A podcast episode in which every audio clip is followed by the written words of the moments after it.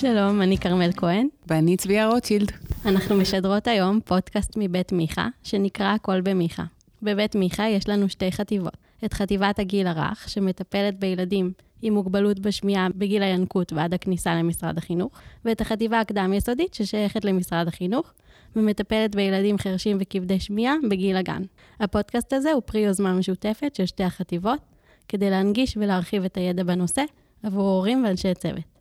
והיום אנחנו מארחות אצלנו את חני מאיה פיט ואת שירה ברי. אהלן. היי. היי. יופי שהצטרפתם אלינו היום. והיום אנחנו התכנסנו לטובת uh, שיח על נושא מאוד חשוב שאני בטוחה שמעסיק גם אנשי מקצוע ובוודאי הורים על כל הדבר הגדול הזה שנקרא מוכנות לכיתה א', קצת לעשות בזה סדר במושג הזה, ואני חושבת שאתם תציגו את עצמכם ואז אנחנו נתייחס. Uh, למה שתיכן פה? אה, אז אני אציג את עצמי, שמי חני, אני רכזת אה, הגנים המיוחדים אצלנו בחטיבה הקדם-יסודית, אני גם אה, מאבחנת דידקטית ואני מומחית תחום.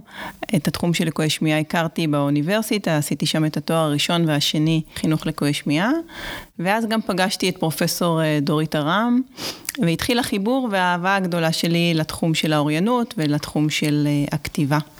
אה, אז אני שירה, מרפאה בעיסוק, ומרכזת את התחום של הריפוי בעיסוק במיכה, גם עם הגנים שלנו, וגם בשילוב האינדיבידואלי, הילדים שהולכים למסגרות רגילות ומגיעים לכאן אחרי הצהריים לטיפולים. ובעצם אנחנו חשבנו שכשאתה מדבר על כל התחום הזה של אוריינות, של מודעות פונולוגית, של כל התחום של הקריאה והכתיבה, אי אפשר להפריד את העניין עצמו מעבודה של מרפאה בעיסוק, וזאת הסיבה ששירה נמצאת פה, ואנחנו תכף נשמע גם את ההיבטים היותר ריפוי בעיסוק של העניין הזה. נתחיל בלהתייחס למה זה בעצם, מה זה כשאנחנו אומרים מוכנות לכיתה א', אוריינות, מודעות פונולוגית, יש אנשים שזה יישמע להם קצת כמו סינית עתיקה, בואו ננסה לעשות פה סדר. אז באמת המונח אה, מוכנות לכיתה א', הוא כולל אה, תחומים רחבים. הוא כולל את התחום הרגשי, הוא כולל את התחום השפתי, הוא כולל באמת את התחום האורייני, את התחום החשבוני, וכמובן גם את התחום המוטורי. אה, היום אנחנו ולא נוכל להקיף את הכל אה, בשיחה או במפגש אחד. ברור. והיום אנחנו נשוחח על היבטים אה, בתחום האורייני ובתחום המוטורי. אני מקווה שעוד אה, ועוד מושגים במהלך המפגש יהיו יותר בהירים. אה, הכוונה היא לרוב באיזושהי הכנה של הילד לקראת המעבר אה, מהגן לכיתה א', אה, מעבר מתחום שהוא יותר תשתית וניצני אוריינות לתחום שהוא יותר אוריינות, ובאמת רכישת קריאה וכתיבה, שזאת המשימה העיקרית של הילד בכיתה א'. בעצם הרצון של כולנו, גם של אנשי המקצוע, ובוודאי של ההורים, שלילד יהיה קל בבית הספר ויהיה לו קל לרכוש את הכתיבה והקריאה. ואנחנו היום ניתן איזשהו דגש איך ההורים יכולים לעזור לו בכך, כשאנחנו מבחינתנו מדגישים את המוכנות בגישה הטבעית, שהיא בכלל הגישה שלנו פה במיכה, של גם רכישת השפה וההתפתחות. גם אני מתחברת לעניין של הגישה הטבעית, אה, לעשות דברים אה, דרך אה, חוויה. שהם גם הרבה יותר משמעותיים לילד, וגם uh, הרבה יותר uh, מהנים, ויש להם סיכוי להחזיק מעמד לאורך זמן, כשזה נעשה דרך uh, השגרה של הבית, דרך uh, משהו שהוא חיובי וחווייתי, להבדיל מלשבת על uh, דפים ועל uh, חוברות עבודה. Uh, ואני אתן גם כן בהמשך uh, כל מיני הצעות ורעיונות שאפשר uh, ליישם אם כל אחד מאיתנו חושב על הילדות שלו, אז אני חושבת שכשאתה חושב על אה, יולי-אוגוסט, חוברות עבודה. שישר המורה, הגננת, תעשו בבית, אז אתן אומרות, חוברות עבודה, דפי עבודה. אאוט. אאוט, אוקיי. אנחנו uh, בגישה אחרת, יותר... Uh, מעניינת, כיפית, מחברת ופחות דפים, ובדרך כלל גם יש נטייה לחוברות העבודה שכל דף יהיה שם בנושא אחר. אנחנו רוצים לתת איזשהו משהו יותר שלם, וניתן גם רעיונות איך לעשות את זה. וגם העניין של המוכנות, בעינינו, הוא לא מתחיל בחופש הגדול שלפני הכיתה א', הוא גם לא מתחיל חשוב. בשנה נכון. של שנת uh, לימודי גן חובה. זה נכון שזאת השנה המשמעותית יותר, והיא כן, יש בה את כל הבשלות גם של הילד לקראת המעבר שיהיה בסופה, אבל המוכנות וההתכוננות והתשתית, בעצם התשתית, נבנית קודם לכן, באמת בשנים של הגיל הרך. אז uh, יש פה דברים שההורים יכולים לעשות כבר מגיל שלוש וארבע, ובוודאי לחזק בגיל הזה של גיל חמ... בין חמש לשש, זאת uh, השנה שהוא, uh, יש בו גם מבחינת הדרישות של המערכת, של הגננת, וגם מבחינת הבשלות שלו אה, לקראת המעבר. אני חושבת שאחת ממילות המפתח, שבכמה דקות שאנחנו מדברות, שאנחנו חוזרות אליה, זה העניין, המילה תשתית. זאת אומרת, זה לא שבין יום אחד שהילד מגיע לגיל 5-6, יאללה, צריך להכין אותו לכיתה א', אלא אתן אומרות, יש פה איזשהו רצף התפתחותי שצריך לשים לו את התשתית.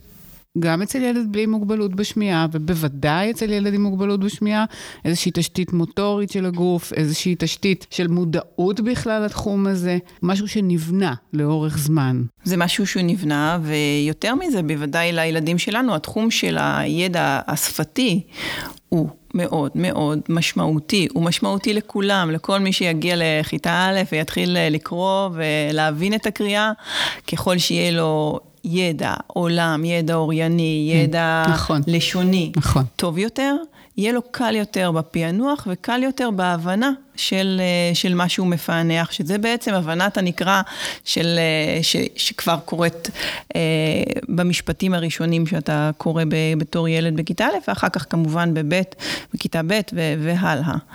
אז כך שכל התשתית הזאת, אה, גם השפתית, היא מאוד מאוד חשובה, ו, וגם היא צריכה להיות חווייתית, כמו שאנחנו תמיד תמיד מדגישים, וזאת הגישה שלנו. טיולים בטבע, חוויות, הסברים על חיות. תשובות, הסברים על, אה, על מזג האוויר, אה, משחקי חידות, משחקי קופסה, מוזיאונים, זאת כל המקומות האלה שבהם נהיה עם הילד בתור הורה, בתוך משהו שהוא גם חווייתי. וגם מקבל את התיווך של, אה, שההורה מתווך, יוצר ידע ש... הוא לא יסולא בפאז, כי הילד מגיע עם איזשהו ארגז, עם איזשהו סל, שאיתו הוא אחר כך קורא. כי הרי מה זה שפה, אה, מה, מה זה לקרוא? זה השפה הכתובה, אבל היא בעצם מתבססת על השפה הדבורה. וזה גם משהו שהילד צריך אה, להבין, שאת מה שאני בעצם מדבר, שומע, את זה אני כותב. לא כמו שפה שמתפתחת באופן טבעי, mm-hmm. הכתיבה והקריאה לא יקראו, לא, לא קורות באופן טבעי. באופן טבעי. משהו שצריך לרכוש אותו, ללמוד אותו mm-hmm. בהוראה. אני חושבת שגם חשוב שמה שנדגיש היום זה שאנחנו לא, גם, גם אנחנו בתור אנשי מקצוע בגיל הגן, לא מלמדים קריאה וכתיבה. זאת אמירה מאוד חשובה, מאוד חשובה. אני רוצה להדגיש אותה, אותה, כן. כן.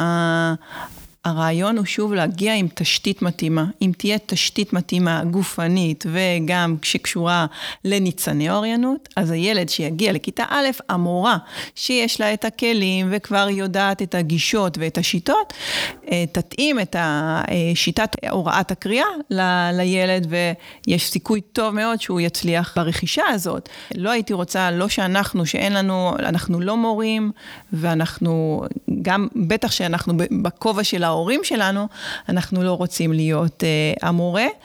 אה, מהרבה מאוד סיבות, גם רגשיות וגם כי אין לנו את, ה, את הידע והכלים המדויקים ביותר בשביל אה, שהילד ירכוש את הקריאה. אנחנו נותנים איזשהו בסיס, אה, אם הילד יגיע עם מספיק מוטיבציה ומספיק אה, אפשרויות שהוא כבר התנס, והתנסויות שהן אה, לקראת הדבר האמיתי, אז את הדבר האמיתי הזה של הקריאה הוא, הוא ירכוש mm-hmm. אה, טוב יותר, מהר יותר, באופן אה, חיובי יותר, שזה גם משהו שאנחנו, מאוד חשוב ש... שנזכיר, מוטיבציה. צריכים להגיע לא שחוקים כבר לכיתה א' ולכל ההתחלה של אה, המסלול. אה, של בית הספר, אלא להגיע באמת עם מוטיבציה. אני רוצה להוסיף שגם אנחנו רואים את הילדים מגיל צעיר שהעולם הזה של הקריאה והכתיבה מאוד מסקרן אותם, וזאת הסקרנות הזאת אנחנו לא רוצים uh, לעצור. זאת אומרת, רואים את הילדים שמנסים uh, לחקות את ההורים ולשרבט. נכון, כאילו לכתוב. כאילו הם כותבים. כאילו לכתוב, והם כן. מסתכלים על שלטים מסביב ככה, והם כאילו קוראים את זה. אז זה באמת uh, העניין של המוטיבציה והסקרנות הזאתי. זה משהו שמאוד חשוב uh, לגשת אליו בגישה הנכונה, בשביל שזה יישאר לילד. נכון. עד שהוא באמת יגיע לבית ספר נכון. וילמד באמת לכתוב ולקרוא. כן, ש- כן, שלא יתקשר לו קריאה וכתיבה, יאללה, יושבים מחוברת עבודה משמימה כן. ודפים ליד שולחן ואתה לא זז, ועכשיו עד שתצא נשמתך שעה, אתה תעשה חמש שורות של האות ב' ותחבר נקודה לנקודה. כן. כזה. כן. אוקיי.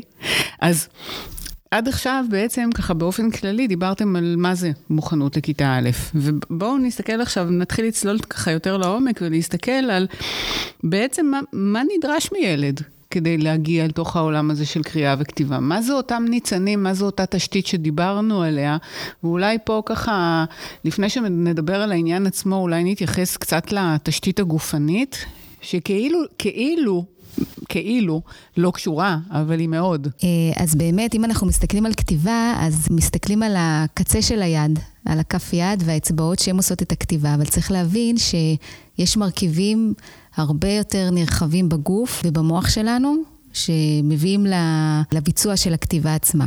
אם אנחנו מסתכלים על המרכיבים, אז יש אה, קודם כל את העניין שמבחינת התשתית, שאנחנו צריכים אה, חגורת כתפיים טובה וחזקה, וידיים חזקות, בשביל אה, לייצב את עצמנו. היד חייבת להיות, היא לא מנותקת, היא מחוברת לכתף. Mm-hmm. אז הייצוב של היד כבר מגיע מה, מהכתף, אחרת... הכף היד ש, שכותבת, היא הולכת לאיבוד, היא חייבת משהו שייצב אותה. כשאת מדברת על אותה חגורת כתפיים ועל לייצב את היד, את מדברת למשל על אותם ילדים שנמרחים על הכיסא, כן. וכאילו אין להם כוח להחזיק את עצמם לשבת זקוף? לזה כן. את מתכוונת? למשל, ילדים שנמרחים, אה, ילדים שמתעייפים מאוד מהר, mm. ילדים שרואים במפגש בגן שהם יושבים ומתחילים לזוז הרבה, ולפעמים התזוזת אותי זה בגלל שהגוף פשוט נחלש, והם mm. מנסים ככה, אה, דרך התנועה, להכניס אה, בחזרה את הטונוס, את הכוח של השרירים. או לחלופין אה, מתאמצים מדי, יושבים, כותבים ורואים... חורטים עם העט. נכון, נכון. אפשר לראות גם, אה, זאת אומרת, גם יש לנו את העניין של המסכים, שזה מאוד אה, לרעת הילדים, שבאמת זה גורם להם לאיזושהי קיבוע בתנוחה מאוד כפופה, והכתפיים שמוטות. והיה לנו עכשיו שנתיים של קורונה, שגם המון המון מסכים, וזה מקבע אותם. אז באמת רואים אה, הרבה ילדים שממש אה, לא, לא מספיק פיתחו את, ה, את החגורה, החגורה העליונה של הגוף. וזה משהו שהוא הבסיס המאוד חשוב לה, בשביל הכתיבה. בכלל, לשבת בצורה זקופה, בטח אם אנחנו מדברים על הילדים אצלנו, שהם חייבים שהערוץ גם החזותי וגם השמיעתי יהיה כמה שיותר אה, פנוי בשבילם. Mm-hmm. אז ברגע שהם מתחילים אה, להתכנס ו- ולהימרח, אז אה, אין מספיק אה, פניות של השמיעה ושל הראייה בשביל לבצע את, mm-hmm. ה- את הכתיבה. או בכלל, בשביל לעקוב אחרי כל מה שקורה, אחרי הפעילויות. אני חושבת שמה שאת מזכירה כרגע בהקשר של הילדים שלנו הוא סופר חשוב, כי כשאתה חושב על ילד שיושב בכיתה ונדרש ככה, אם אצל ילד שהשמיעה שלו היא תקינה, זה מובן מאליו שהוא עסוק בלכתוב מה שאת מתארת על מה שיש לו בקצה של היד, והעניין של השמיעה הוא מובן מאליו. זה מה שהמורה אומרת, הוא קולט את זה בין אם הוא מסתכל עליה ובין אם הוא לא מסתכל עליה.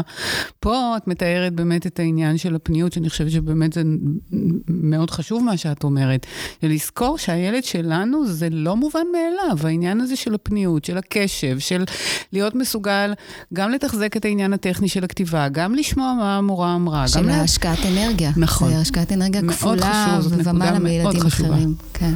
עוד דברים שאת חושבת שהם באמת בעניין של התשתית המוטורית של כן. ה... אז uh, יש uh, גם את העניין של ה... uh, כל מה שקשור לתיאום בין עין ויד. שזה גם uh, מיומנות שהיא הכרחית. זאת אומרת, היד מבצעת, אבל העין היא זאת שקולטת ומתכננת ומלווה uh, ומבקרת אחרי מה שהיד uh, עושה. Mm. וזה גם מיומנות שהיא מאוד חשובה, והיא מתחילה לא בגן חובה לפני כיתה א', אלא מגיל מאוד צעיר. בכל מיני פעילויות שהילד עושה, אם זה במוטוריקה גסה, משחקים של כדור, אה, יש כל מיני, אה, במקרה הזה, משחקי טלוויזיה וכל הקונסולות של המשחקים, שגם mm-hmm. כן יש שם הרבה תיאום עין יד. אה, יש את העניין גם להעתיק מהלוח, שזה גם כן, יש שם תיאום בין עין יד, וזו מיומנות שהיא קשה. צריך בעצם להעתיק סמלים שאין להם שום, שום משמעות. זה לא ציור עכשיו בית ושמש ו, וילדים, אלא זה פשוט להעתיק איזשהו סימן גרפי. זה, זה אז... כמו, אני תמיד משווה את זה, זה כמו שאם ייתנו לי להעתיק משהו שכתוב בסינית, ש... אין לי מושג, אין לזה שום היגיון, אני פשוט אצטרך להתעסק פרט-פרט כדי להעתיק את זה, אז בתחילת הדרך זה בדיוק מה שזה בשביל הילדים שלנו. נכון. ופה עוד פעם נכנס העניין השמיעתי, שגם אם יקריאו את המילה, לפעמים לוקח להם יותר זמן מילדים אחרים. התפיסה השמיעתית, העיבוד השמיעתי, וביחד עם זה גם להכניס את, את התוצר הגרפי, ולעקוב עם העיניים, ופעם להסתכל על הלוח ופעם על המחברת. ו...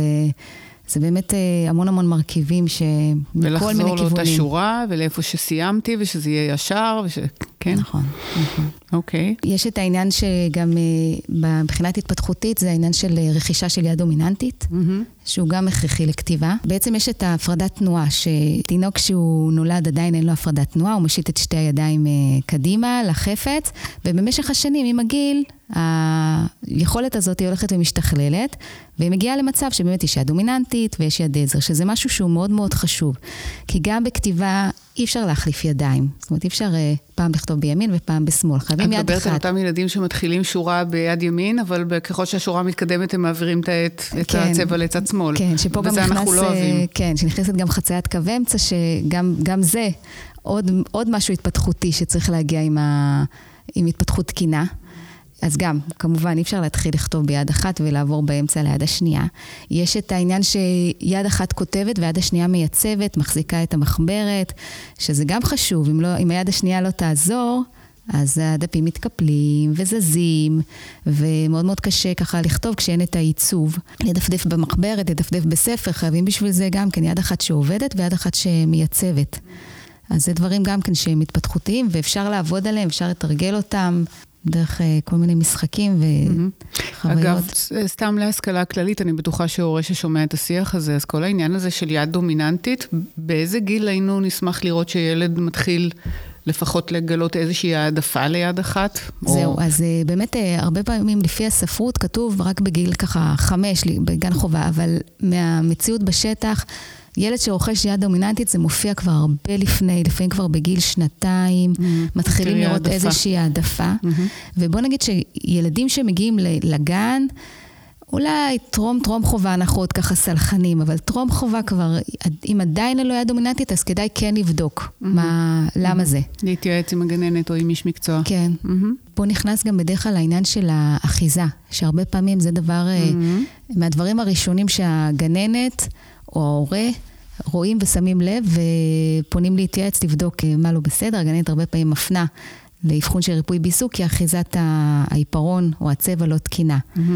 מה, שילד אה, כאילו מחזיק בכל מיני דרכים משונות את, כן, ה, את הצבעים? כן. אוקיי. אה, באיזושהי אחיזה שהגננת בערך שמה לב שהיא שונה מהאחיזות המקובלות או אצל ילדים אחרים. Mm-hmm. אה, לפעמים כל היד, לפעמים אגרוף, לפעמים הוא הופך את היד, mm-hmm. אה, לפעמים מאוד סגורה. אבל גם פה צריך לשים לב, כי לא כל מה שנראה לא תקין, הוא בהכרח משפיע על הכתיבה. על התוצר אה, הסופי, מה שנקרא. כן. זאת אומרת, יש ילדים באמת, ואני חושבת שזה חשוב להגיד, לא בכל מקרה צריך להסתכל על התוצר הסופי, יש ילדים שמחזיקים מוזר, אבל כן. התוצר סבבה לגמרי, כן. אז פה באמת שווה להתייעץ ולא מיד להיכנס לדאגות. כן, נכון, מה, מה שיקבע זה התוצר הסופי ומידת האנרגיה וה, שהילד משקיע, mm. זאת אומרת, גם אם התוצר הסופי הוא טוב, אבל, אבל הוא, הוא, כן. הוא מאוד מתעייף, אז כן חשובה. כדאי אה, אה, לבדוק מה, מה הסיבה mm-hmm. שזה קורה ואיפה אנחנו מחזקים את זה ומשפרים. אוקיי. Okay. את דיברת קודם על, אה, על חציית קו אמצע, אני חושבת שזה, ועל כל המיומנויות האלה, זאת אומרת, כולה לכתוב, וכמה דברים האלה צריך בשביל לעשות את הפעולה הכאילו יומיומית וטריוויאלית הזאת שלנו, אבל כן. זה באמת נורא מורכב, להסתדר עם הכיוונים. יש אותיות שצריך לעשות אלכסונים בהם, יש כאלה שהקווים הם רק קו ישר, יש כאלה שהוא קו עגול אחר כך עם ה... אז זה באמת, אני חושבת שמה שאמרת כרגע, הרשימה הארוכה הזאת של המיומנויות המוטוריות רק ממחישה עוד לפני שהגענו בכלל לדבר על העניין עצמו. נכון. זה אה, אחת המיומנויות הכי מורכבת שיש, באמת. אוקיי. כן. כי היא גם אה, מוטורית וגם קוגניטיבית. נכון, אוקיי.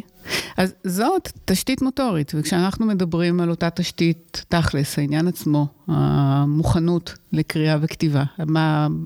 אז אני, אז באמת מה שהפעילות עוד מעט שאני אציע לעשות עם ההורים, אה, היא תכלול אה, בתוכה גם את ההתנסויות הרבות שהילד אה, יעשה, ויכתוב כדי להתנסות ולהתנסות בתרגול המוטורי הזה, שהוא פעילות מוטורית, וכמו כל פעילות מוטורית, אם עושים ממנה הרבה, היא הולכת, משתכללת, מתפתחת ונהיית יותר ויותר אוטומטית, שזה גם משהו ש, שאנחנו רוצים שהילד יגיע. אם זה, ככל שזה יהיה יותר אוטומטי, יהיה לו קל יותר להתפנות לתוכן, לשמיעה, לדברים האחרים. Mm-hmm. אני שוב אומרת, כן, הכתיבה... יש בה כל כך הרבה שהילד צריך להשתלט. היום, מה שאני אנסה בשיחה, להגיד שהכתיבה והפעילות שאני מציעה אה, להורים לעשות אה, כפעילות חווייתית אה, בבית אחר הצהריים עם הילדים, היא גם תעזור לקריאה. זאת אומרת, אנחנו מדברים פה הרבה הרבה הרבה על הכתיבה, mm. ולמעשה מה שיש בה הוא גם קישור בין אות לצליל, וגם על המודעות הפונולוגית, וגם השם של האותיות, והצורה של האותיות, והצליל של האותיות, בעצם מה שנקרא ידע על האותיות. כל הידע הזה שיש בכתיבה, הילד צריך כדי לקרוא אחר כך. Mm-hmm. אז אני היום הולכת ואומרת, אנחנו נשתמש ממש בדבר הזה שנקרא כתיבה, ובפעילות הזאת של כתיבה, בשביל שיעזור לילד להגיע לתשתית של ניצני אוריינות אה, חזקים יותר לקראת קריאה. זה משהו שגם נמצא במחקרים, שהפעילות של אה, גננת או של מבוגר, של הורה עם הילד בכתיבה, עוזרת לאותם דברים שקשורים לאיך אני אקרא אחר כך בתור אה, ילד, איך יהיה לי קל יותר mm-hmm. לקרוא. וכתיבה, יש בה משהו שהוא מאוד עניין של צורך. אנחנו כל הזמן כותבים, תחשבו על, אה, עלינו בתור מבוגרים, כותבים פתקים וכותבים הודעות וכותבים שלטים, ואנחנו משתמשים בכתיבה. הכתב גם הומצא לפני אלפי שנים כצורך. ככל שהחברה של בני האדם גדלה, והיה קשה להשתלט על העניינים הכספיים של מי חייב למי וכמה mm. סחורה עברה ומתי, אז זאת בעצם הייתה התפתחות, ש... המנוע להתפתחות של, ה... של הכתב, של הכתיבה. ואנחנו רוצים לשמר את העניין הזה של הצורך. אם הילד יבין את ההזדמנויות ואת ה... אה, הכתיבה שהיא תקשורת, הכתיבה שהיא צורך של האדם בתקשורת ומאפשרת לו, אז זאת המוטיבציה שתהיה לו לתרגל את הכתיבה, להיות מעוניין בכתיבה ולהתאמץ בה, כי היא בהחלט אה, משהו שהוא מאמץ אה, מוטורי. אז בעצם אני לא כותב כדי לכתוב, אני כותב למטרה מסוימת, כדי לזכור uh, כמה דברים שצריך לקנות, כדי לכתוב איזושהי הודעה בוואטסאפ לאבא. בדיוק. נכון, ממש ככה. וכדאי לנו לנצל הזדמנויות uh, טבעיות, הזדמנויות שמזדמנות uh, כל יום, שכיחות, ולערב את הילד uh, בכתיבה. כי יש איזשהו הקשר, כמו שפה, זה לא נרכש באופן מבודד, גם כתיבה לא נרכשת באופן מבודד. למה הכוונה? אם uh, אני צריכה ללכת למכולת, ושכחתי לקנות, אני עושה רשימה, אבל אין הכוונה שהילד עכשיו באמת אה, ילך עם הרשימה של ה-20 פריטים. מספיק שאני אגיד לו למכולת, שכחתי לקנות נרות אה, לחנוכיה חסר לי, או חומוס, או אני נורא רוצה לטוסט שלי זיתים, ואם אני שוכחת את זה אז אה, חבל, לא יהיה לי בטוסט זיתים, אז מחר בוא נזכור ובוא נרשום שבדרך הביתה אני קונה זיתים. אז בוא תעזור לי לרשום את הפתק, זיתים. ויש פה בדיוק מילה אחת של כתיבה שהילד עושה, אבל יש בה כל כך הרבה, כי אנחנו עוד מעט נגיד גם בדיוק איך אנחנו נפרק את זה ומה נצפה מהילד לכתוב. אבל זאת הכוונה. או אם אבא חוזר מהמילואים, אה, בוא נכתוב ונכין לו שלט, ברוך הבא אבא. Mm-hmm. זהו, שלוש, אה, שלוש מילים. Mm-hmm. אם מישהו בבידוד, ברוח הקורונה, אז נאחל לו בידוד קל, שתי מילים. או אם מישהו חוזר מה... זה רוח הדברים, מישהו... הודעות, שלטים, ברכות, מזל טוב, החלמה מהירה. נותנת לזה איזשהו הקשר טבעי, לא סתם לשבת ליד שולחן שלא קשור לכלום ולהתחיל לכתוב משהו, אלא דברים שקשורים לחיים של הילד. דברים שקשורים לחיים של הילד, ושהוא יהיה שהוא ירצה לקחת בהם אה, חלק, וילדים מאוד רוצים לקחת בכתיבה שכזאת אה, חלק ולהיות אה, שותפים, וגם להתאמץ ולהפיק את התוצר. וההורה או הסבא, הסבתא, מי שמקבל, גם מאוד גאה בדרך כלל לראות את mm-hmm. התוצר, mm-hmm. ויש פה איזשהו מעגל של איזון חוזר שמאוד מיטיב איתנו, כי הילד ירצה לחזור על הפעולה, כי הוא מקבל חיזוק חיובי מה, מהפעולה הזאת. והזדמנויות יש לרוב, כמו שאת אומרת, הם כל הזמן, אנחנו רק צריכים להיות במודעות, ואז uh, יעלה לנו, אבל יש uh, חתונות, ויש אירועים, ויש ימי הולדת, ואנשים uh, חולים, ואנשים מבריאים, ו, uh, וזה יכול להיות כמו שאמרנו, גם רשימה לא לשכוח לקנות דברים, מכתבי תודה, דברים שכאלה. Mm-hmm. ולא צריך הרבה מילים, מספיקה כתיבה של שתיים, שלוש מילים. במיוחד לילדים צעירים, וגיל חמש לילדים צעירים, הכתיבה היא אה, פעילות קוגניטיבית, מוטורית, היא מאוד מעייפת, ואנחנו רוצים אה, לשמור על המשך אה, מוטיבציה, וחשוב לעצור ולסיים כשהילד עייף. הכתיבה, שלא כמו בכיתה א' ובבית ספר, לא צריכה להיות מאוד מדויקת, ולא בגודל מתאים של אותיות. כשאנחנו כותבים עם הילד בשלב הזה, לתת לו ליהנות ולהתנסות ולכתוב את האותיות כמו שמצליח לו, גם עם אחת גדולה ואחת קטנה, גם אם הוא מתפרס על דף שלם. גם אם היא הפוכה. וגם אם היא הפוכה. Mm-hmm. לגמרי. אנחנו יכולים להמשיך, אה, בשלב הבא יהיה בעצם, אם יש לנו הרבה הזדמנויות, רעיונות, מה נכתוב עם הילד ואיך נשלב את זה ביום-יום, ולא צריך כל יום, אפשר אה, פעם בשבוע שזה יקרה, אם זה יהיה לאורך אה, תקופה ארוכה ורציפה, אם זאת תהיה משהו עקבי שחוזר אחריו, שמשולב הרבה בבית, אז כל הרווחים שיש מהכתיבה יקרו. איך כדאי לכתוב עם הילד? מיד נפרט.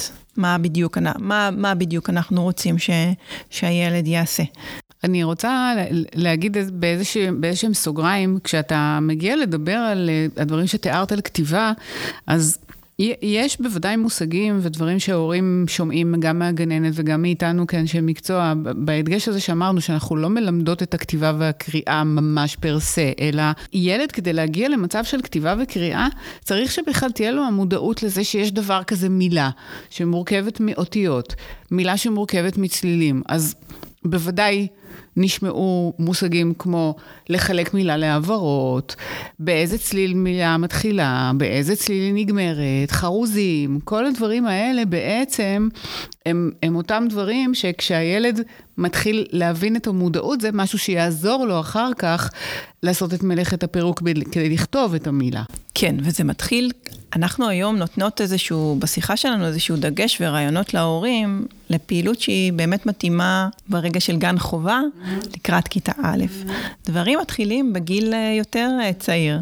מתחילים אה, כבר בגיל שנתיים וחצי, שלוש, הילדים מבדילים בין ציור לבין כתב. כן, זה מאוד חשוב. ילדים מתחילים להתנסות בכתיבה הילדית, שהיא גם מאוד מאוד חשובה. שגם לה יש מקום לתת לילדים להתנסות בבית עם פנקסים ומחברות ודפים, ולהתנסות בכתיבה שעוד אין בה אותיות, עוד אין בה דברים מובחנים כמו שאנחנו מכירים אותה, אבל יש בה איזשהו... כתב שהוא כתב ילדי, שהוא סימנים שהם רואים אותנו כותבים ומנסים לחכות ולהפיק משהו דומה. ואז נראה את קבקובים, עיגולים, וזה מאוד חשוב, זה שלב התפתחותי, mm-hmm, mm-hmm. שצריך לתת לו את המקום. זה גם המקום להגיד, כתבת מילה. נכון, נכון, נכון. אפילו כתב... שהוא שירבט משהו, וואי, איזה יופי כתבת, מה כתוב פה, מה כתבת לי. ו... ואחר כך שהוא כבר כותב עוד אותיות וכבר מכיר את האותיות, גם שם יש שלבים של התפתחות, בהתחלה זה אותיות אקראי, כותב באותיות שהוא מכיר, שבדרך כלל האותיות היותר שכיחות, א', ל', אותיות או ש... שהאותיות של השם הם הרבה פעמים אה, נכון, חשיפה נכון. בגן, כי על כל, אה, על כל ציור רושמים את השם שלו. נכון. ועל המגירה יש את השם שלו, אז זה אחת, ה, אחת המילים הראשונות שהם... אה, הרבה פעמים מנסים לחקות אותה. נכון. ואחרי אותיות האקראי מתחילות, מתחילה בעצם הכתיבה יותר פונטית, פונמית, שהיא, אני מקשיב, ואז יש איזשהו, לכל צליל יש אות מסוימת. אי אפשר לתת לצליל אה, מסוים איזה סימן שאני רוצה, אלא יש סימן אה, מוסכם. וזה באמת משהו גם שהוא קורה התפתחותית, והוא גם מלווה אה, בסביבה אוריינית מתאימה, בגן ובבית, זה תלוי אם הילד הוא הבכור, או, או אם הוא הילד השלישי במשפחה או הרביעי, ואז יש כבר סביבה יותר אוריינית, וילדים שגדולים יותר, שמתעסקים במשימות של הכתיבה, והילד יותר אה, חשוף. כן, רואים לפעמים את הבן שלו שרוצה לעשות שיעורי בית, כמו האח שלומד בתיכון. נכון. הוא רוצה נכון. גם לכתוב, כן. אני גם אגיד שיש משהו שהוא מאוד אישיותי, וחשוב מאוד להגיד את זה, כי אנחנו הזמן גם מדברים על המוטיבציה של, ה, של הילדים. יש ילדים שכמו כל כישרון, או כמו כל דבר שיותר אוהבים, יש את הילדים שהם יותר אה, אוהבים אה, לקפוץ, לרוץ, תופסים את זה יותר מהר. אה, יש ילדים שבשפה יותר ככה אוהבים את המילים, ויש ילדים ש, שהאותיות, הם מתחברים אליהם מאוד מהר מגיל, אה, מגיל צעיר. Mm-hmm. ויש כאלה שלוקח להם יותר זמן של אה, בשלות, וזה בסדר וזה בסדר. רק צריך לראות שאין באמת אה, מקרים של הימנעות, הימנעות שהיא תהיה גם הימנעות מחומרים בדרך כלל, מיצירה, וגם הימנעות בכלל מכתיבה. זה משהו שיחד עם הגננת, יחד עם אנשי המקצוע המטפלים בילד, אפשר, אפשר לדעת איפה הילד עומד מבחינה התפתחותית, והאם מבחינה התפתחותית זה, זה, זה תקין. לרוב, בגיל חמש, אנחנו נצפה כבר לראות שילדים כותבים באותיות אקראי, זאת אומרת, שהם מתחילים לכתוב עם אותיות שנראות כמו אותיות שאנחנו מכירים, ופה ושם גם כותבים אות לפי הצליל שאנחנו, ש, שאנחנו מכירים, שכך צריך להיות mm-hmm. כתוב. אני חושבת שההתייחסות לעניין של הימנעות היא מאוד חשובה, ונראה לי שחשוב להדגיש אותה, כי כמו שאמרתן, יש ילדים שפחות מתחברים לעניינים של יצירה, ו... ויש גם נורא באמת עניין של העדפות אישיות. השאלה באמת מתי זה משהו ש... כי הרי בסופו של דבר ללמוד לכתוב ולקרוא כולם צריכים. אז המקומות האלה שאנחנו נראה ילד שבאופן קבוע מתחמק ולא בא לו, והוא כבר בן חמש, ולא בא לו להתעסק עם הדף עבודה, ולא בא לו עם המדבקה, אז אני, אני חושבת שזה משהו שבאמת נורא חשוב להדגיש אותו, מתי זה בעצם איזושהי נורה אדומה להורה, להגיד, אוקיי, יש פה אולי משהו מעבר לזה שזה סתם הוא פחות מתחבר לזה. כן, הרבה פעמים גם הגננת אה, ת, ת, תגיד את זה להורים, שהילד mm. ממש אה, מסרב, מסרב לעשות עבודות יצירה. אוקיי. אז כן, יש העדפה אישית, ובאמת לא כולם מתחברים לקטע, לחלק האומנותי כן. שבהם, אבל uh, צריך לראות איפה באמת זה ממש הימנעות שהיא בגלל קושי. ולא בגלל uh, שלא מעניין אותו רק. לקחת למרפא בעיסוק שיאבחן. כן. כן. או להתייעץ לפחות עם הגננת, כן, כן. זה, זה מאוד חשוב. כן, זה באמת אחד, ה, אחד הסימנים הראשונים שאפשר לראות. כשיש קושי, באמת רואים את זה ב, ביצירות בגן, בפינת יצירה בגן, mm-hmm. שילד מתחמק ממנה. כן. אם אנחנו כבר בעניין של נורות אדומות, דברים שכהורה צריכים להדגיש לך נורה אדומה, מתי ללכת אה, עם ילד לאיזשהו בירור, אז דיברנו על העניין של הימנעות, איזה עוד דברים שירה כמרפאה בעיסוק היית אומרת ככה, אוקיי, אה, הגיע הזמן לבדוק? אז אה, קודם דיברנו גם על העניין של האחיזה, כן. שזה גם הרבה פעמים אה, משהו שבולט. אה, היד הדומיננטית אה, עם אה, עדיין אה, ככה בסביבות גיל 4-5, עדיין אין בכלל העדפה. Mm-hmm. דיברנו על החגורת כתפיים, אמרנו שזה נראה כשהילד נמרח או הכתפיים שמוטות, אבל mm-hmm. גם אפשר לראות את זה להפך, הוא עושה איזשהו קיבוע ומעלה את הטונוס בשביל להתגבר על החולשה של החגורת כתפיים, הוא דווקא יעלה את הטונוס וישב מאוד מאוד חזק, מאוד יציב, בשביל למנוע את המערכות הזאת, או כשהוא כותב או מצייר, אה, דווקא הוא יחרוט, הוא, הוא דווקא יפעיל הרבה כוח על, ה, על העיפרון, וזה בא ממקום של, אה, לפעמים של ויסות כוח, אה, לפעמים של טונוס מוגבר, לפעמים להפך, דווקא של איזושהי חולשה. אוקיי. Mm-hmm, okay. שימו לב לאחיזה, שימו לב לאיך הילד יושב יציב, עד כמה הוא נמנע, אלה באמת נורות אדומות חשוב כן. מאוד. וגם, כמו שאמרנו מקודם, שבגיל חמש כבר מצופה לראות אה, אותיות אה, אקראי. זאת אומרת, איזה שהן אותיות שהילד אה, משתמש בהן. לא חייב להיות אה, מגוון רחב מאוד, אבל מגוון של שלוש-ארבע אותיות שהילד כבר מתחיל להשתמש, ולא רק קווים או את הסימנים העגולים, שאמרנו שהם התפתחותיים והם מאוד נכונים, אבל לגילאים יותר נמוכים של גיל שלוש-ארבע. הכתיבה עצמה, כן. הכתיבה עצמה תסייע לילד לשפר ולקדם mm. אותו, מה, גם, גם אם הילד אה, נמנע וקשה לו, mm-hmm. אז להפך, אנחנו רוצים למצוא את המקומות שבהם כן, יש איזה זיק ניצוץ של, אה, של כן מוטיבציה בשביל לעשות איתו בעצם את מה שהוא מחויב לעשות כדי להתקדם, כן. וזה לכתוב. פה נכנס... הכתיבה עצמה תקדם את מיומנויות הכתיבה. איך נכתוב עם הילד? בטח. אמ, אנחנו למשל ניקח את הצמד המילים אה, מזל טוב.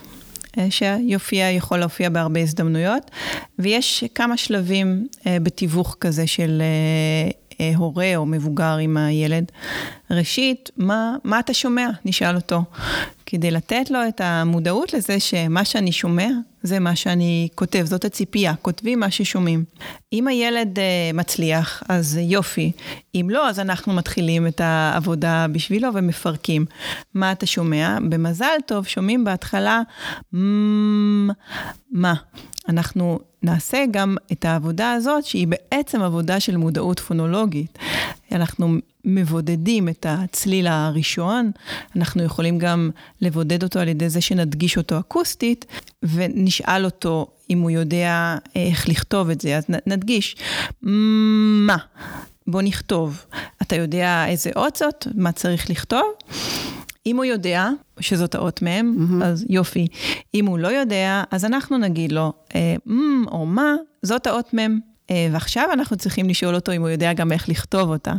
זאת אומרת, יכול להיות שהילד ידע שזאת האות מ', mm-hmm. אבל הוא לא, לא יודע את הצורה שלה, או לא זוכר מספיק איך היא נראית. ואז אנחנו נראה לו, אפשר להראות עם סרגלי אותיות, ואפשר פשוט להראות לו בצד, בדף, את, ה, אה, את האות איך שהיא נראית. ואז ממשיכים עם האות הבאה, כי כל התהליך הזה היה רק על המה של המזל. על האות הראשונה. של האות הראשונה, של המילה הראשונה. כן. ועכשיו עם האות הבאה, אז מה אתה שומע? זה, אתה יודע איזה אות זאת? אם הוא יודע, יופי. אם לא, אז שוב אנחנו אומרים לו מה האות, אתה יודע איך כותבים אותה? אם הוא יודע, יופי. אם לא, אז אנחנו מראים לו איך לכתוב אותה. ומה שומעים בסוף? שוב אנחנו עושים פה את הפירוק. Mm-hmm. אתה יודע איזה אות זאת? למד. איך כותבים אותה? אם הוא יודע, יופי. כל זה היה תיווך מאוד מאוד משמעותי לילד, ובסך הכל מילה, מילה אחת, אז תראו כמה עבודה הוא צריך לעשות וכמה, אה, בעצם כמה הוא לומד מתוך זה.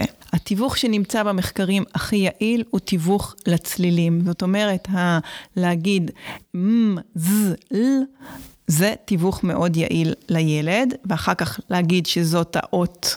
כל, לתת לכל צליל את הקישור לאות. אם רק, אם מ... רק, אני, אני, אני אדגיש, אם רק אני אגיד לו, תכתוב מ', תכתוב ז', mm. תכתוב ל', ורק אשיים לו את האותיות, בלי לעשות את הקישור לצליל, זה כאילו נתתי לו להעתיק. מבחינת המחקרים, אין אין בזה שום תועלת, אין בזה יותרות מבחינת כמה שאני נותנת לו, להבין את המשמעות בין קשר של אות וצליל. זה יהיה כמו פעילות מוטורית של קשר עין יד, שהיא mm-hmm. טובה, mm-hmm. אבל היא לא מה שאנחנו רוצים בעצם, היא רק העתקה. אנחנו רוצים לקחת אותו שלב מעבר להעתקה. להבנה שיש צליל, שיש צורה ושאנחנו מקשרים בין mm-hmm. הצליל הזה לצורה הזאת. ואת זה נעשה רק אם אנחנו נתווך את, הצליל, את הצלילים.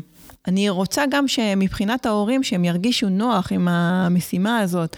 אין בזה חוקים של נכון, לא נכון. Mm-hmm. ברגע שההורה יתנסה עם הילד בכתיבה, או יכתוב את ה... אה, עוד, עוד ועוד מילים, אה, כמו אה, חומוס, אז יש שם את... חו. אז יש לי גם את הפירוק לצליל, mm-hmm. וגם אחר כך אני נותנת את ההעברה. אני לא רוצה שההורה יתעכב, mm-hmm. אוי, אני לא יודע mm-hmm. כרגע mm-hmm. אם פירקתי, בודדתי צליל פותח, או את ההעברה הפותחת, או את הסיומת. איך שספונטנית יוצא להורה לפרק, mm-hmm. זה טוב. Mm-hmm. עצם זה שהוא יפרק, ידגיש צליל ויקשר לאות, זאת עבודה מאוד חשובה עבור הילד בניצני אוריינות. בכל מה שאמרנו שאנחנו רוצים לבנות תשתית טובה mm-hmm. לקראת קריאה בעצם. Mm-hmm. זאת אומרת, כל ההתעסקות הזאת עכשיו שעשינו עם כתיבה, שהיא פירוק והרכבה בסופו של דבר, תעזור לילד בזמן שהוא יגיע לקרוא. כי כשאני קורא אות, אני עושה את אותו דבר, אני קודם מפרק ואחר כך mm-hmm. מרכיב. אפשר גם ב... כשמסיימים לכתוב את המזל, ממש לעבור ולקרוא את זה ביחד. חשוב כתב... מאוד, הערה חשובה מאוד. אחרי שמסיימים לכתוב, נכון. מה כתבנו. נכון. לא להשאיר את זה במפורק. וגם בהקשר של אה, מה שאמרת בעצם בהתחלה, כמה עבודה שמיעתית יש פה לילדים אצלנו. אה, בעצם בכתיבה הזאת, אפילו במילה מזל, יכול להיות מצב שהילד, שואלים אותו, מה אתה שומע פה? מה ז, והוא אומר ס במקום ז, וממש אפשר להעלות את זה ולדבר על זה, נכון, זה שני צלילים שנשמעים מאוד מאוד דומה. ז, נכתוב זין ונכתוב סמך, ושם באמת האותיות מאוד יעזרו גם לחידוד ולעבודה השמיעתית, שהיא חשובה בשבילם באופן כללי, וכהכנה לקריאה ולכתיבה ולכיתה א' בכלל. נכון, ילדה שכתבתי איתה מזל טוב, כתבה מזל טוב, כי באמת אה, זה מה שהיא שמעה. זה מה שהיא שמעה. והחידוד הזה של הייצוג החזותי מאוד יעזור לחסך השמיעתי שהוא קיים. אני חושבת שהדיון הזה שאתם מדברות עליו עכשיו באמת אה, קושר אותנו לאיך אנחנו לוקחות את כל הטוב הזה של המוכנות ומתייחסות ספציפית לילדים שלנו עם המוגבלות בשמיעה. איך מוגבלות בשמיעה יכולה להשפיע? קצת התחלתם לדבר על זה. האם אנחנו נכין את הילדים שלנו אחרת? איך אנחנו מסתכלות על זה בהקשר של הילדים שלנו? אני חושבת שקודם כל, אנחנו עם הילדים שלנו מאוד מעלים את זה למודעות. שיכול להיות שעם ילדים אה, עם שמיעה תקינה, זה, זה דבר שהוא נעשה באופן טבעי. אנחנו מאוד מעלים למודעות של להקשיב, לשים לב לדקויות בין הצלילים, לשים לב ל, ל, כשאנחנו מדברים, כשיש רעשי רקע, לנסות להתמקד בכל זאת במילה שאנחנו מדגישים. זה באמת לא מובן מאליו מבחינת הילדים שלנו, ואני חושבת שהמילה מודעות היא מילת מפתח פה. זאת אומרת, יש ילדים שזה כמובן תלוי בעזר, תלוי ברמת המוגבלות בשמיעה, תלוי במיליון דברים, אבל בסופו של דבר, הערוץ השמיעתי, על לעשות את הקשר או צליל, נשען מאוד חזק על הערוץ הזה. נפתח בסוגריים ונדבר על אותם ילדים שאין להם הרבה שרידי שמיעה, שאצלם באמת הנגישות לשמוע איך הצליל הזה נשמע היא עוד יותר ירודה. אז אין לנו אלא להיות מודעים לדברים האלה, כי זה בכל זאת עובד קצת אחרת. זה גם עניין של מודעות, בעיניי זה גם הרבה עניין של התנסות. זאת אומרת, ככל שתהיה לילד יותר ויותר ויותר התנסות, הוא ירגיש במקום הזה יותר בנוח, הוא יכיר, סך הכל זה מוגבל. נכון. יש סט מוגבל שצריך ללמוד אותו. הוא יכתוב אז... את המילה טוב במזל טוב 20 פעם, הוא יבין בסוף שזה ב' ולא פ' בסוף. נכון. כן, נכון. וזה, אז הרבה... תרגול, אה, חזרות, התנסויות, עידוד וחיזוק, שהם דברים שנכונים אה, לכולם. לגבי החסך השמיעתי, יהיה, יהיה קושי, יהיה קושי בצרורות של אה, מילים כמו לכתוב אה, פסנתר, mm-hmm. אם רוצים להכין איזושהי רשימה של חוגים אה, של הילדים בבית, מי הולך לאיזה חוג, ולשתף את הילד בזה, ואם דווקא יש לו חוג לא בלט אלא פסנתר, אז יותר, יותר קשה לכתוב, יותר את קשה. את, לשמוע את, את הצרור הזה. אם יש ניגודים באמת, כמו שדיברנו על טוב וטוף, יותר קשה. זה איזושהי מודעות, היכרות ותרגול לילדים שאין להם נגישות אה, לצלילים, אז מלמדים את האיות של האותיות, ודרך האיות לומדים את האותיות, ואחר כך גם את הקריאה. Mm-hmm. אולי ניתן דברים שאפשר לעשות ככה בבית. ואני רגע אתחבר עוד אה, לפני ש... תפרטי עוד על התחום המוטורי, כי בעצם הכתיבה, ובזה אני אעביר אלייך את השרביט, יכולה גם, אפשר לכתוב עם הילדים לא רק בעט או עיפרון או mm, טוש או נכון, צבע. נכון, גיר על המדרכה. אפשר עם נכון. גיר על המדרכה, אפשר בים עם אה, אצבע על החול. נכון. אפשר לקחת קצפת, למרוח אותה ולכתוב על הקצפת וגם ללקק אותה אחר כך. נכון, נכון. ואפשר לקחת מגש, לשים שם אה, קמח ולפזר קמח ולכתוב בו. אפשר בחול הקינטי שיש היום לקנות. יש המון המון דברים תחושתיים שאפשר גם להתנסות בכתיבה איתם. מבחינת מוטיבציה זה בוודאי נותן עוד מוטיבציה בטח, לילד, כי זאת הנאה חושית. יש פה גם משהו שהוא למידה שהיא של מערבת עוד חוש אה, של מגע, וזה יעזור בעצם ל, ל, למוח להכיר את ה... הצורה של האותיות. הזיכרון הוא פה גם דרך תנועה וגם דרך אה, מגע, ולא רק דרך אה, משהו חזותי או mm-hmm, שמיעתי או mm-hmm. שפתי. נוצר כאן באמת עוד, אה, עוד ערוצים נוספים, ולילד הרבה פעמים יותר קל באמת אה, לזכור אחר כך. נכון. איך לכתוב. בעיקר למי שיש קושי, mm-hmm, בעיקר למי. שנמנע. האמצעים התחושתיים האלה, לכתוב בפלסטלינה, לחרוט בה, לגלגל פלסטלינה לנחשים כאלה ומהם ליצור את האותיות. להכין אה, בצק ולאפות עוגיות. להכין בצק ולעשות עם קורצנים אותיות זה קלאסי כמובן. אה, אבל במידה, זאת אומרת, לא לקחת את כל האותיות ו... לא חייבים את כל ה-22 באותה תבנית. בדיוק, אפשר, okay. אפשר לקחת את האותיות של השם שלו ואת השם של החבר או מישהו של אחיו. אפשר לכתוב על גב כף היד של הילד ושהוא ינחש את האותיות, אפשר על הגב, ופעם הוא מנחש ופעם הוא כותב, ההורה צריך לנחש. כל הפעילויות האלה הן גם כתיבה, והם גם יעזרו לילד להכיר את הצליל של האות, את הצורה של האות ואת השם של האות. ויהיה ילדים גם שפחות יתחברו, ואז אין מה ללחוץ, זה לא יעזור. אפשר לנסות לשתף, להעשיר את התשתית גם עם ספרי חרוזים וספרי אותיות, שיכול להיות שדרך הפעילויות האלה, אפשר, כמו שאמרנו, אולי דרך דברים של לצאת החוצה ולכתוב בבוץ אחרי הגשם mm-hmm. עם מקל, mm-hmm. למצוא את המקומות שהילד כן מתחבר לכתיבה, ושם כן לתת לו את ההתנסויות. אנחנו גם כהורים צריכים להתחבר לדברים שמעניינים אותנו, שנוחים לנו, שמלהיבים אותנו ואת הילד, וזה כבר יפתח את התשתית uh, מאליה, אבל ב- בתוך משהו שהוא חווייתי ונכון רגשית. אז אה, אם באמת אנחנו ככה ניתן אה, כל מיני רעיונות שאפשר לעשות עם הילדים בבית, בצורה שהיא יחסית היא קלה ופשוטה ונעימה לכולם, mm-hmm. אה, אז קודם כל יש את העניין של חוגי ספורט שהם תמיד מומלצים, גם בהיבט הרגשי והחברתי והבריאותי וגם בהיבט המוטורי. Mm-hmm. אז אה, חוגים שהם ככה יותר מחזקים את חגורת הכתפיים, זה יכול להיות ג'ודו וקפוארה ושחייה והתעמלות קרקע.